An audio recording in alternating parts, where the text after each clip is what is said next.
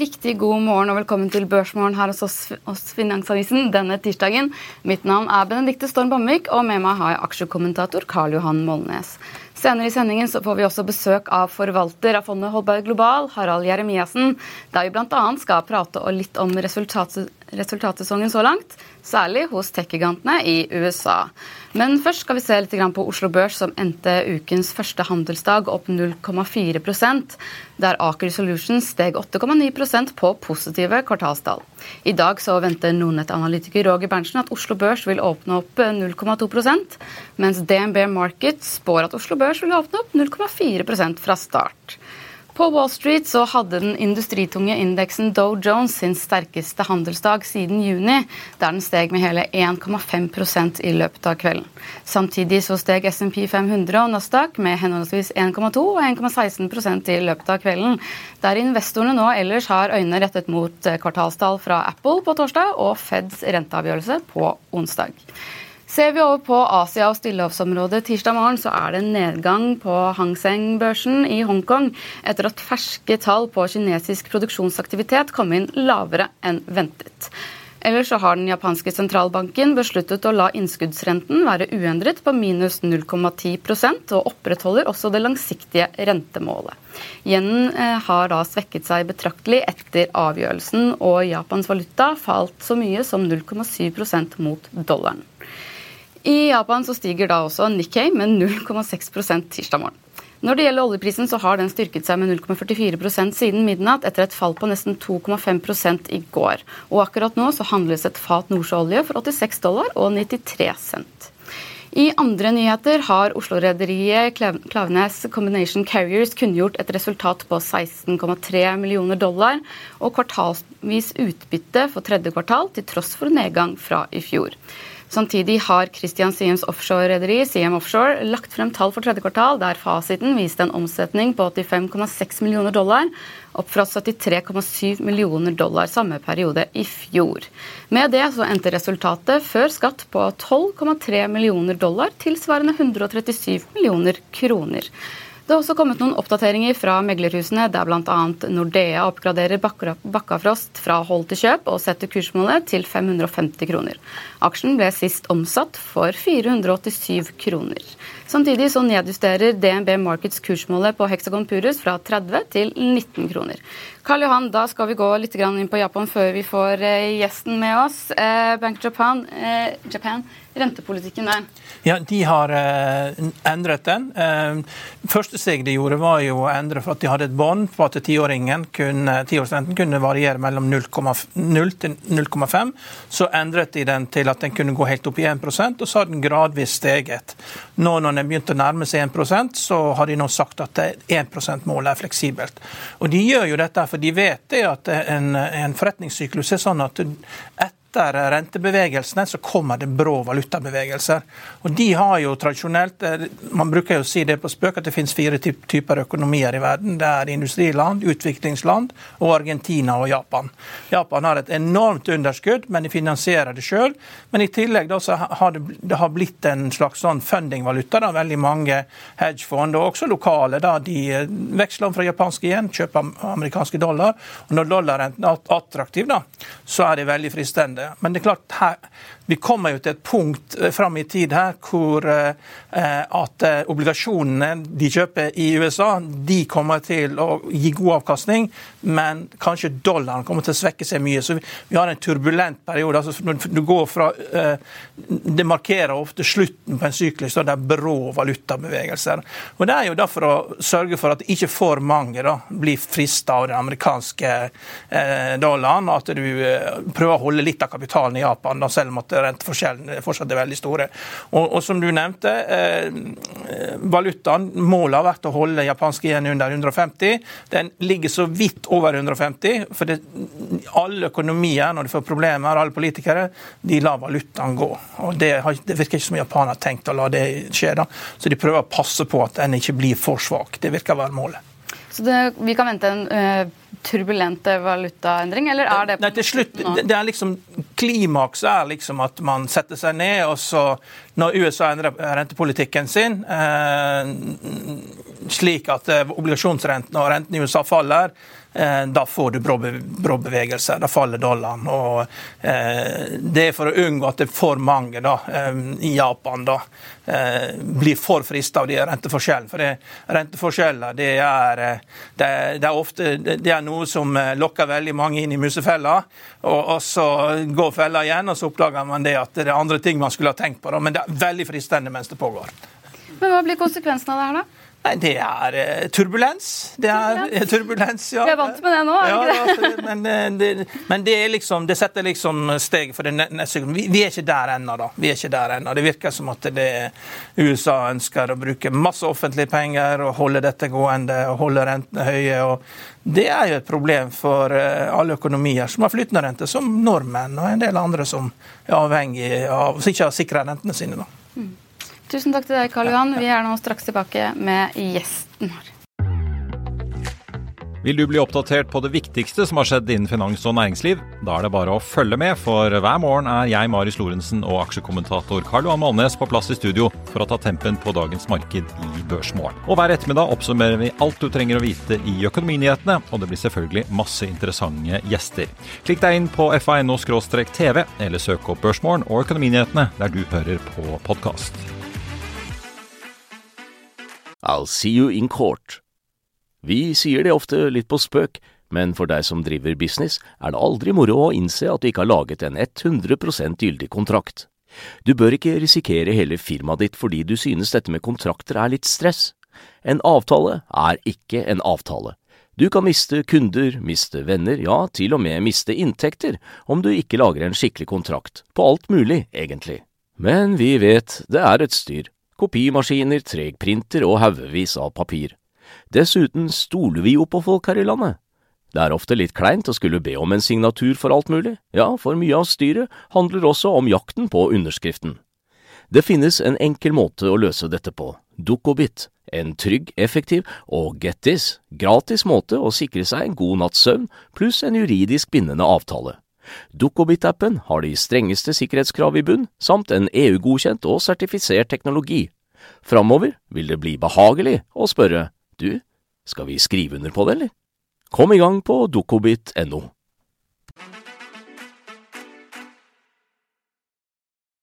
Da er handelsdagen i gang, og Oslo Børs er opp med 0,4% fra start. Og Da går vi over til dagens gjest, forvalter i Holbergfondet Holberg Global, Harald Jeremiassen. Velkommen til oss. Takk, takk. Takk for sist. Ja. Skal Vi se, vi går eh, egentlig bare rett over på resultatsesongen som, er, som holder på nå. Skal vi da særlig se på USA. Mm. Da lurte jeg litt på Hvilke trender er det du observerer eh, i markedet nå? Ja, vi, vi ser en del tydelige trender. Og jeg, jeg, tror det er viktig her også å skille mellom hva som skjer underliggende i forhold til selskapenes resultatutvikling, og hva som skjer på børsen i form av kursutvikling. Eh, hvis vi tar det første først, altså det med underliggende resultatutvikling, så vil jeg påstå at tredjekvartalsrapporteringa så langt ser veldig bra ut. Ca. halvparten av selskapene i USA, altså som inngår i SMP 500, og ca. halvparten av de 500-600 største europeiske selskapene har rapportert tall. Og Hvis vi da ser på de amerikanske først, eh, så er resultatene typisk 5-6-7% bedre enn forventa. Og du har også en eh, ganske bra resultatvekst år over år. Da snakker vi på generell basis, altså både industriselskaper og teknologiselskaper. På toppen av det så har du de store tech-selskapene, altså Amazon, Alphabet eh, osv. De har levert strålende resultater ifølge min vurdering. og Jeg har lyst til å utdype det litt mer etterpå. Eh, mens vi deretter ser på hva som har skjedd kursmessig, så ser vi at eh, en god del selskaper har falt. Faktisk også flere av de store tech-selskapene har falt til dels ganske kraftig i det korte bildet, eh, til tross for at de leverer sterke tall. Jeg tror det er to hovedgrunner til at du har sett den kalde kraftige kursbevegelsen den siste uka. Det ene er at rentenivået, som Karl Johan akkurat var inne på, ikke sant? Eh, det begynner å bli ganske høyt. Du har type 5 eh, rentenivå, eh, f.eks. nå bort til USA, som er det viktigste markedet i verden. Og det, gjør at en god del aksjer, spesielt de som ikke kan vise til noe sterk underliggende vekst, egentlig er ganske høyt priser. Du trenger en unnskyldning rett og slett for å ta ned prisinga på en del selskap. Um, Det andre det, er at vi ser en lang rekke av selskapene er veldig forsiktige nå i forhold til å uttale seg om framtida. Altså Det pågår kriger, det, det er fortsatt eh, litt problemer med verdikjeder. ikke sant? Vi har hatt problemer med inflasjon osv. Og, og vi ser at de fleste selskaper er veldig forsiktige med uttalelser om fjerdekvartalstallene og, og, og framtida generelt. Og, og vi ser også at de selskapene som håper å si, har levert gode tall, men som er forsiktige i forhold til framtida. De har blitt ramma ganske hardt på børsen. Det er det som er årsaken til at selv om de har levert gode tall, så går aksjen ned? Ja, det, det er iallfall hypotesen. Altså, ja. det, vi, vi, liker å si at på kort sikt så er det mye psykologi som driver aksjemarkedene, men, mens på, på, lang sikt så er det mer tyngdekraften, altså resultatutviklinga til selskapet. Og for oss som en aktiv investor så er jo det en ypperlig situasjon. For ingenting er jo bedre enn at selskapene leverer gode tall og at de blir enda billigere å kjøpe, ikke sant? som er langsiktig investor. Så, så, for egen del så er jo det en ypperlig situasjon. Det er jo en, en del av disse store, særlig big tech, de mm. har jo steget veldig mye. så ja. Ja, Men de har jo sett litt grann fall de siste månedene, egentlig. Det har i hvert fall vært litt mer turbulent, ja. ikke like skrått oppover. Uh, hva er dette årsaken, altså, eller ikke hva er årsaken, men tror at vi er nå i nærheten av toppen er jo folk har begynt å bli mer usikre og mer nervøse mm. på fremtiden. At jeg tror at oppgangen er ja. ja.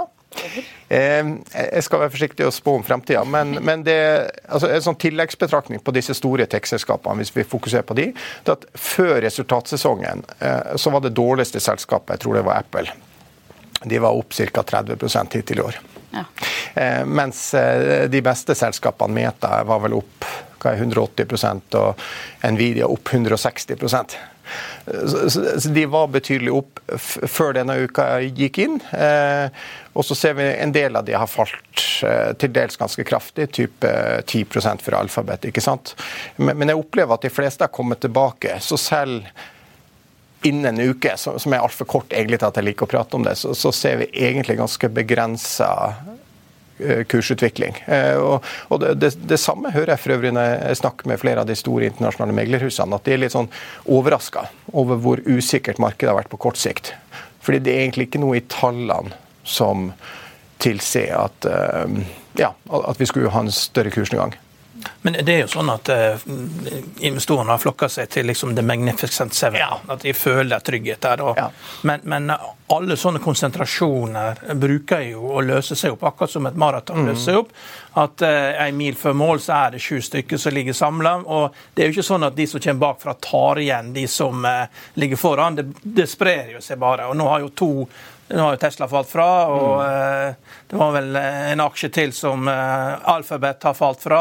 Og det blir jo bare færre og færre etter hvert som man mm. nærmer seg mål. Og, og, Apple, hvis du ser på aksjen, da, så er jo det, det er P nesten 30, og det er mm. halv prosent dividend yield. og mm. eh, Det er liksom ikke noe sånn det er liksom ikke noe sånn fantastisk safe haven. Ikke er det noe særlig vekst. og I dag skal de lansere en ny Mac, mm. og salget er ned med 30% og ja, Kanskje det at de løfter det salget litt. Ja. Jo, men og, og, Det er jo indeksfond du kjemper mot, og, og, det er jo indeksfond som sørger for at all kapitalen går inn i disse her. Mm. Og uh, Det burde jo vært en skatt på indeksfond, for det er jo, de, de, ødelegger jo markedet. Det er jo en forurensende faktor.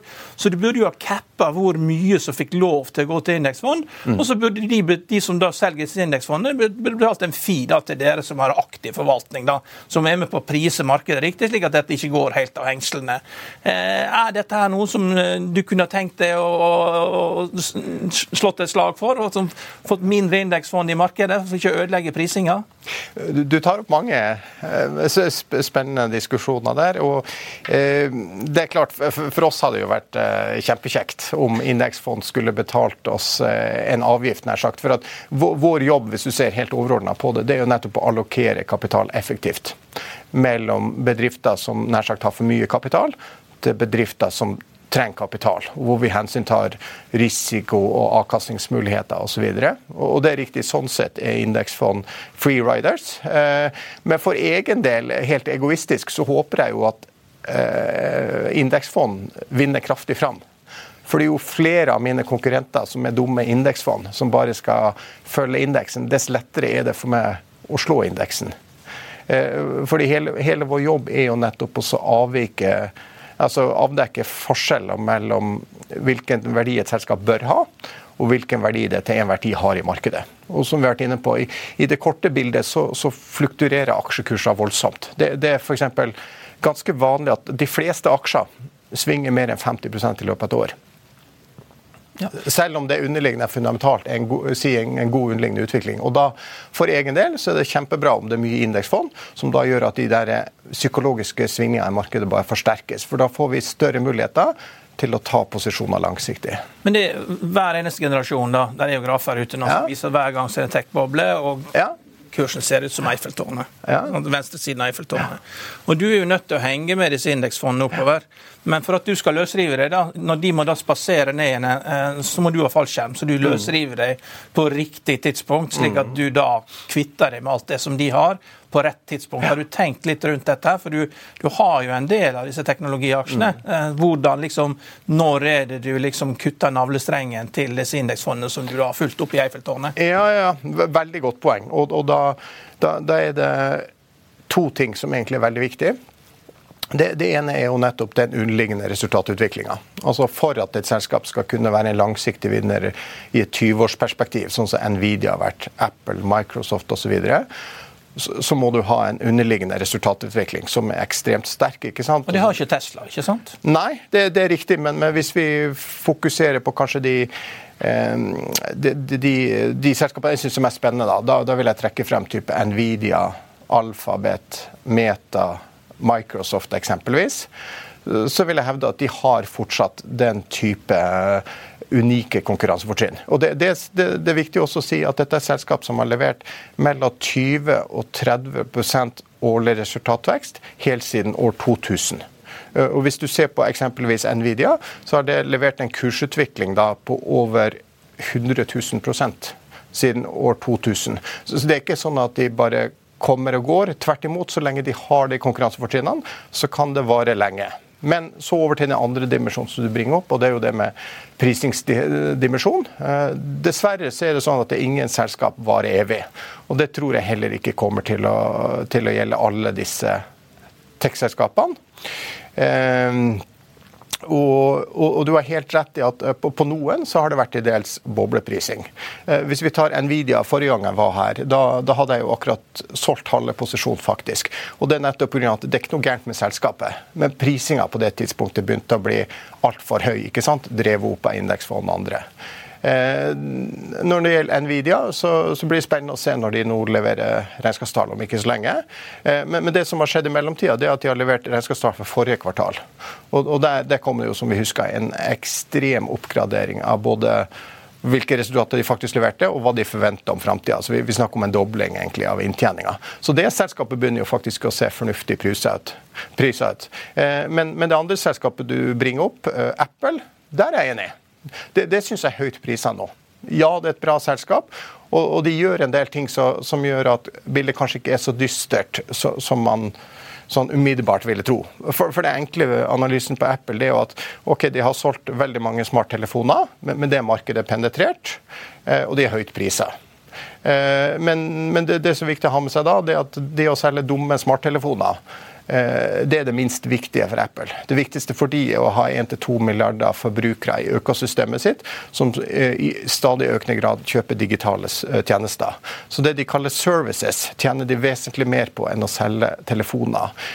Legg også merke til noe av det siste de har gjort. De sendte nettopp ut en melding om at de økte prisene på sine mm, musikktjenester, filmtjenester etc. med 50% fra én dollar et eller annet til litt mer. Eh, og det, det, høres kanskje ikke så mye ut i, for hver enkelt av oss. Men det er klart når du øker prisen med 50% og du har et par milliarder forbrukere, så har du fortsatt litt å gå på. Men jeg er enig. Eh, Apple er nok blant de selskapene som, hvor du hensyntar både vekstmuligheter og prising, framstår som høyt priser. Det er egentlig også en godt oppfølging her. Hva er det du ser er eh, risikoen i markedet nå, selv, ja. som folk, eh, selskapene har begynt å levere tall? Uh, ja, et kjempegodt spørsmål. Altså, fordi risiko tror jeg betyr ulike ting for ulike personer. Eh, hvis du spør mange som på en måte bare betrakter aksjemarkedet fra utsida, som kanskje har lest litt finans, så vil de si at ja, risiko det er avvik fra en eller annen indeks. ikke sant? Vi var litt innom det her i sted. Jeg ser helt motsatt på det. jeg mener at når, når, når, markedet beveger seg kraftig, så er det en mulighet, ikke en utfordring. Når, mine kvalitetsselskaper blir enda billigere priser, så er ikke det et problem, det er en mulighet. Eh, men, men vi liker heller å se på risiko langs litt andre dimensjoner. Eh, eh, eksempelvis så har du risiko knytta til selve selskapene. Tjener de penger? Har de lave marginer osv.? Det er én type risiko. Annen type risiko det er jo makrorisiko. Du nevnte Argentina. ikke sant? Det er et land hvor jeg definitivt vil hevde det er makrorisiko. Og så kan du ha ren prisingsrisiko, som vi var innom på, på Apple. ikke sant? Så det, det, er ulike typer risiko. Jeg, jeg tror for oss som, som forvaltere, litt av jobben vår, eller en viktig del av jobben vår er jo nettopp å passe på pengene til folk. Ikke bare sørge for avkastning, men også passe på pengene. Og Da er det viktig å spre risikoen utover. Så, så vi er ganske bevisst på at vi skal rett og slett spre porteføljen utover et antall selskap, som igjen har ulik type risiko. Det har vært langt svar på et enkelt spørsmål. Eh, hvis vi går tilbake til hva er det som bekymrer oss i forhold til risiko på kort sikt. Eh, I forhold til de selskapene jeg har i porteføljen, hvor det er mye tech, så er jeg egentlig ikke så bekymra knytta til selve inntjeninga. Eh, du har enkeltselskaper hvor du kan, kan si at prisinga begynner å bli ganske høy.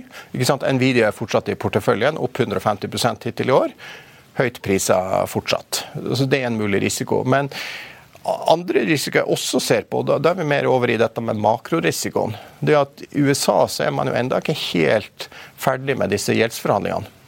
De har jo bygd opp gjeld år etter år etter år. Eh, og, og pga. litt den politiske situasjonen så er det slett ikke sikkert at de blir enige om endelig gjeldsforhandlinger nå. ikke sant? Vi har ja, 17.11, tror jeg det så har de neste frist for å bli enige om gjeld. Det, det, er en sånn type risiko som jeg kanskje er opptatt av. Eh, hvis vi hopper tilbake til, til disse store porteføljeselskapene, tech-selskapene, så, så, hvis jeg skulle singla ut én enkelt form for risiko der, så tror jeg faktisk det er risiko for regulatoriske inngrep. Fordi de, de har blitt så stor og så sterke, en del av disse selskapene, at, at det at myndighetene griper inn og forsøker å begrense det, det tror jeg er den største enkeltrisikoen for dem. Men det var jo forslag nå om at det kommer streng regulering på artificial intelligence. Mm. Men det er jo enkelte som er ute og sier at dette styrker jo bare de eksisterende selskapene. Så det gjør det vanskeligere for nye å komme til. Ja, det, det, tror jeg du har helt rett i. og det, det, Man skal ikke undervurdere deres evne til å hele tida tilpasse seg. Vi har jo sett det i en årrekke allerede. Altså, ta, ta, et selskap som uh, Meta, ikke sant? altså Facebook. Eh, det var fjorårets taper. Alle trodde det var nær sagt over og ut. Kursen falt kraftig. Myndighetene var ute etter dem. Eh, de hadde sterke konkurrenter. Eh, men så snudde alt, nær sagt. Men, men underliggende så tjener de 60 milliarder dollar på å selge annonser ikke sant, i året. 60 milliarder dollar. Legg på en null, så har du i norske kroner omtrent 600 milliarder kroner. Ja, jeg har tatt annonsene det, det fra lokalavisene i hele verden. Det er penger, og, og, og, du ser land etter land har jo forsøkt å angripe det, både i forhold til å si, dette med enten ytringsfrihet eller behov for å gripe inn i ytringsfrihet. Eh, tilsvarende i forhold til monopoltendenser i i annonsemarkedene. Men, men, du ser jo at, at, et selskap sånn som Meta og for så vidt flere av de andre store tech-selskapene, de har jo bare ja, de har fått en liten bot her og en liten bot her. Eh, når jeg snakker om liten bot, så kanskje en milliard dollar, ikke sant? som for andre selskaper ville vært fatalt. Men, men det, er, det er småpenger for dem. Og de, de klarer også å trenere den type ting. Eh, så, så, så det, det, er absolutt en risiko at, at myndighetene vil gripe mer inn, men jeg, jeg tror det er en håndterbar risiko. Vi skal se litt på enkeltselskapene her, så nevnte jo nettopp ja. annonseinntekter ja. når det gjelder Meta. Vi så jo også at Amazon, når de leverte tall forrige uke, så de også, meldte de også om en veldig sterk eh, comeback innenfor annonseinntektene. Hvordan ser det ut nå? Altså, det har jo vært ja. en, en litt nedgang der de siste ja. månedene, egentlig. Ja, altså de, de, to hovedspillerne innenfor annonsemarkedet, det er jo uh, Meta og så er det Google. Uh, mens Amazon også har selvfølgelig noe inntekter derfra. Uh, Kortversjonen på begge to er at det går ordentlig bra. Altså Annonsemarkedet tikker og går.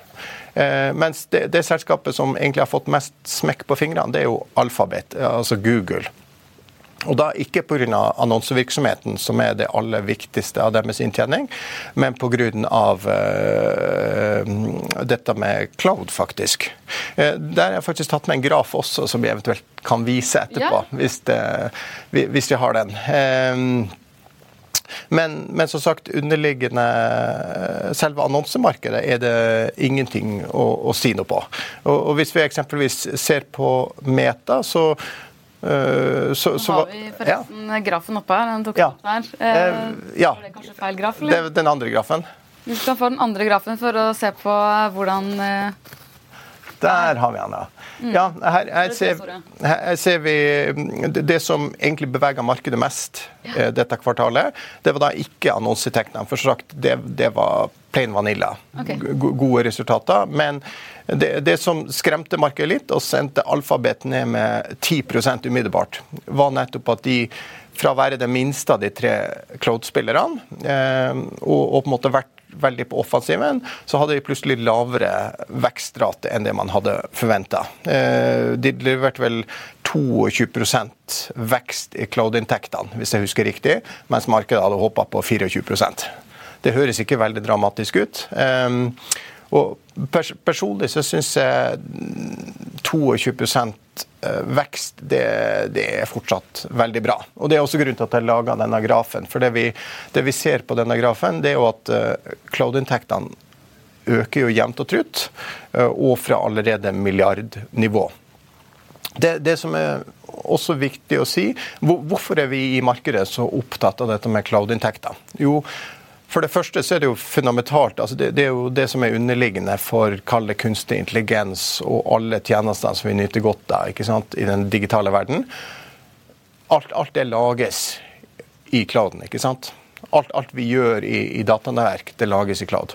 Eh, men, men, eh, men, det er på en måte fra, fra brukersida. Fra et kommersielt perspektiv så er det også ekstremt gode marginer innenfor cloud. Ta Amazon som et eksempel. Innenfor vanlig logistikk av varer, som de fleste tenker på Amazon, så har de i hjemmemarkedet i USA så har de ca. 3% margin. 3% de taper penger i resten av verden på logistikk, men 3% i hjemmemarkedet. Innenfor cloud så har de 30% margin ti ganger så høy margin, og det vokser raskere. ikke sant? Det er jo grunnen til at Amazon de siste fem årene har uh, hatt mer enn 100% årlig resultatvekst. Og Tilsvarende så var det grunnen til at man da dro ned alfabet. Fordi at ja, uh, annonsemarkedet går kjempebra. Uh, men de er det minste av tre aktørene for Cloud, og man har håpa at de skulle ta igjen de andre. Ja, For det er Microsoft som er størst her? Gjerne kanskje? Amazon, og så Microsoft. Ja, og så Google som utfordreren. Mm. Eh, personlig har jeg stor tro på Google også fremover. Og jeg tror både de og de to andre spillerne når de sier at det markedet er litt lumpy. Altså det vil si at De inngår store milliardavtaler egentlig, med, med store bedrifter. og det er litt sånn det er litt tilfeldig når de kontraktene faller på, hvilket kvartal de faller på osv. Så, videre. så jeg vil personlig ikke legge for mye vekt på Eh, prosentvis vekst i et kvartal. Altså Om, om veksten er på 22 eller 24% spiller egentlig ikke noen rolle. Eh, jeg synes Det er bra. Men det er jo litt viktig med bakgrunnen her. da. Mm. Amazon, som er størst, hadde vel bare 12 vekst. Og, og markedet var veldig skuffa over det. Men det er klart, deres utgangspunkt er jo fra logistikk, mens de andre da eh, så Microsoft med Azure klarte jo å snu trendveksten som var fallende, til å få eh, veksten oppover igjen. Ja. Og det var pga. ChatGPT.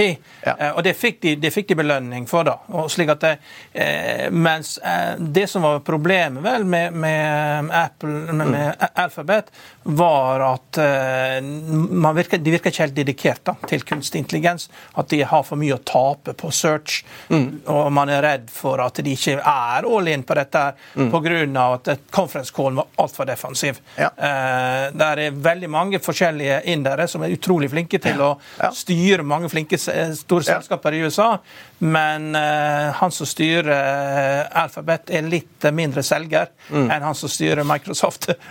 Ja, det, men, det, men det, det, har du helt rett i. Altså, det er jo så sagt det, det, er flere delforklaringer. Jeg opplever at Den aller viktigste forklaringa var at, at, mange nå er liksom bekymra for at de har mista litt momentum innenfor cloud. At, at, det er det viktigste. Men, men, men du har helt rett, et, et, viktig deltema også, det er dette med hvem vinner fram i forhold til kunstig intelligens og open uh, Ja. Nå har jo Meta oppi dette som bruker 15 milliard dollar i året på, ja.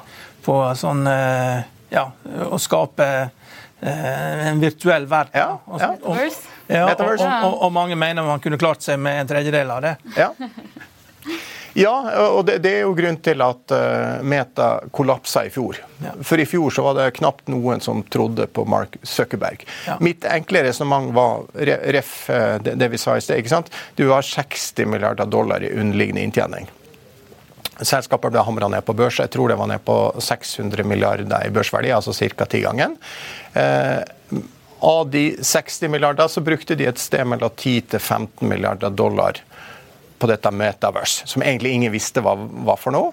Vårt enkle resonnement var at hvis du da bare påstår at det er tull og tøys, så har du allikevel 45-50 milliarder dollar i underliggende inntjening, som gjør at Meta fremstår som i fjor framsto som veldig attraktivt. Du ser jo at Også, jo, men, men Et viktig poeng på, på toppen det er at eh, Mitt, mitt, enkle resonnement var at jeg, jeg, tror noen av verdens smarteste personer som har jobba med dette i mange år Jeg, tror ikke det var et tøv. Jeg, jeg tror faktisk jeg skal klare å skape noe ut av det. Han har så problemer med å bli trodd at ja. han trener seg opp til å bli cage-fighter. da, For at han skal bli bodybuilder. Da, for at da vil folk høre på han. Han utfordrer jo Elon Musk til kamp, da, og Elon Musk sa eh, vel at 'jeg kan stille i morgen', og så skrev vel bare han eh, på Twitter 'yeah, sure, funding secured'.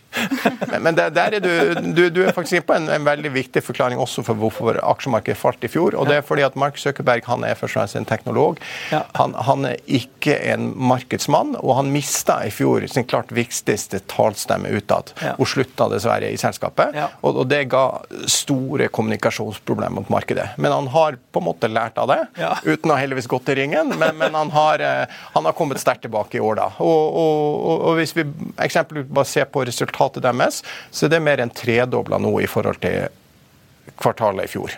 Så det er eh, imperiet slår tilbake, for å si det sånn. vi skal se litt på det vi, eh, Jeg nevnte innledningsvis i sendingen i dag. Så ser jo eh, markedet de ser jo mot Apple, som mm. kommer nå på torsdag. Ja. Har du noen forventninger til hva vi kan se da? Heldigvis så har jo Apple vært en kjerneposisjon hos meg siden jeg starta i 2011. Og, og, og hele tida så jeg tror at nå må det snart være over. Um, men, men, de er fantastisk flinke både på å utvikle veldig gode produkter og gjøre kommersielt smarte ting. Um, spesielt det siste tror jeg ikke man skal undervurdere. Jeg har gleden av å møte finansdirektøren i Apple sånn ganske regelmessig.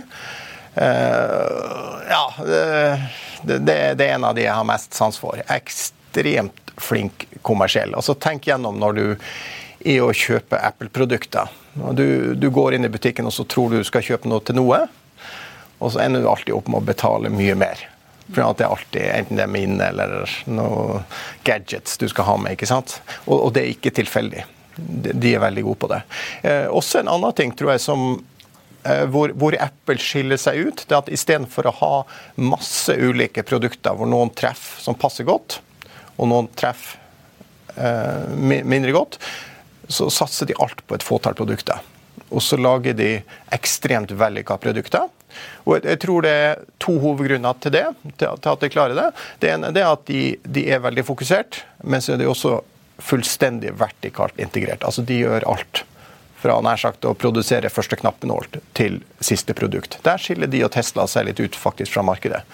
Ved at de istedenfor å lytte til hva vi tror vi skal ha, så bare lager de helt rå produkter, og så overrasker de oss i neste omgang. Så, så, vi får se. Jeg er litt eh, jeg er forsiktig optimist, for å si det sånn. Men, men eh, det hadde jo vært kjempegøy hvis Apple kommer med noe helt unikt nå. Um, ja, for de ikke, Det er jo ikke bare produktene. altså Selv om de er mm. bra, så er det jo fortsatt underliggende trender i markedet nå med at eh, folk holder litt igjen med på pengene. Ja. Og litt mer nøye på hva de kjøper. Ja, og der, der på nytt igjen syns jeg Apple har vært helt rå kommersielt. Fordi de også har vært flinke til å tenke good, better, best-produkter. Altså du, du lager litt billige varianter. Men, men, det som har overraska i forhold til Apple, og, og da tenker jeg at det har overraska Apples ledelse også, det er hvor bra de dyre produktene har funka. Fordi Mange ganger så tenker de at ok, hvis jeg har et godt produkt og så lager en billig variant, så vil folk kjøpe mer av det. Men i Apples tilfelle så er det egentlig litt motsatt. Folk har hele veien kjøpt mest av de dyre produktene. Um, og jeg, tror litt av forklaringa på det er, det er jo bare å gå rundt og se på folk i gata eller se på trikken. ikke sant? Folk sitter jo begravd i telefon hele tida, og vi bruker den hele tida. Og så kan du si at 10 000, kanskje 12 000, ja det er mye penger. Men samtidig, i forhold til hvor mye folk bruker det, så er det allikevel relativt lite. Um, så, så, det blir spennende å se. Ellers, uh, for å ta en liten digresjon altså, Sist gang jeg møtte finansdirektøren i Apple, så brukte vi mye tid på å snakke om Eh, kommende framtidige produkter. Eh, det de har mest tro på, kaller jeg det korte bildet, det er jo sånne virtuelle briller. Altså Forestill deg at du kan gå inn i Colosseum og se hvordan det virkelig var. Med, med briller som, som, du ikke blir kvalm av etter 30 sekunder, men, men, som faktisk gir deg et ordentlig blikk og du kan bruke lenge. De hevder de har løst alle problemene der. Um, blir spennende å se om de altså De har for så vidt lansert første versjon av det produktet, uh, men, uh, men, det er et produkt som foreløpig er altfor alt dyrt. Uh, jeg tror i løpet av et par varianter så, vil det produktet bli tilgjengelig for oss vanlige folk, nær sagt. Eh, på samme måte som iPad og iPhone osv. Så, videre. så det jeg gleder meg til. Men det jeg gleder meg faktisk mest til, det er jo den lova bilen Apple har lovt oss. Fordi Deres enkle resonnement der er at hvis vi som Apple hvis vi skal lansere et nytt produkt, så holder det ikke å gjøre noe som er litt bedre enn andre. Eksempelvis en Tesla med litt bedre batteri. Litt bedre komfort. Det, det Apple ser for seg, det er en eh, forestiller en eh, førsteklasses kabin på et fly. Du har ikke noe ratt, du har ikke noe bremser, du har ingenting sånt. Du har bare en kabin dekka med høykvalitets-TV-er. Det er det produktet Apple kommer til å levere, hvis de en dag leverer en bil. Dette høres, det høres ut som en forstadsbil. Ja. Der du ikke skal inn og treffe noen altfor mange kompliserte trafikksituasjoner. Og... Helt enig. Jeg vil ikke ha kjørt han i Paris. Eller forbi Skøyen stasjon. Nei, det tror jeg helt rett i. Har aldri kommet igjennom. Ja. Blir stående der hele dagen. Ja, ja. Men, men det, det, det, det, er den type produkter som, som Apple sikter etter. Og um, det, har vært lenge siden vi har sett et sånn ordentlig rått produkt fra Apple, men på nytt igjen, de, de har visst en unik evne historisk til å komme opp med de produktene. Nå tenker jeg Det er et fint tidspunkt å sette en strek ja. der. Eh, Harald Jeremiassen, tusen takk for at du kom til oss. Før vi setter en strek for dagens sending, vil vi bare minne om dagens utgave av Finansavisen, der du kan lese om oljefondsjef Nicolai Tangen, som betaler 90 millioner kroner for en eksklusiv leilighet på Tjuvholmen i Oslo, og knuser rekorden for kvadratmeterpris. Du kan også lese om Norwegian Property, som har kjøpt den kriserammede eiendommen Telegrafen i Oslo sentrum. Mer om dette og mye, mye mer kan du lese om på fa.no, der du også vil få siste nytt fortløpende gjennom hele dagen. Husk å få med dere økonominyhetene klokken 14.30 i dag. Og så får dere ha en riktig god dag, god dag videre. Takk for nå.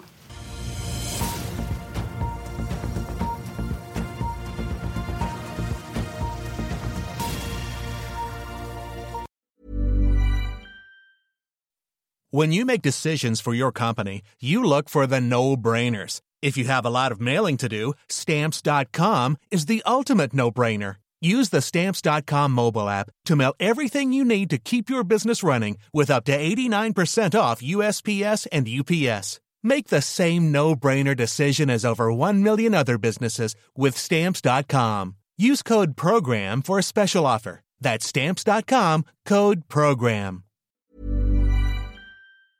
Økonominyhetene er en podkast fra Finansavisen. Programledere er Marius Lorentzen, Stein Ove Haugen og Benedikte Storm Bamvik. Produsenter er Lars Brenden Skram og Bashar Johar. Og ansvarlig redaktør er Trygve Hegnar.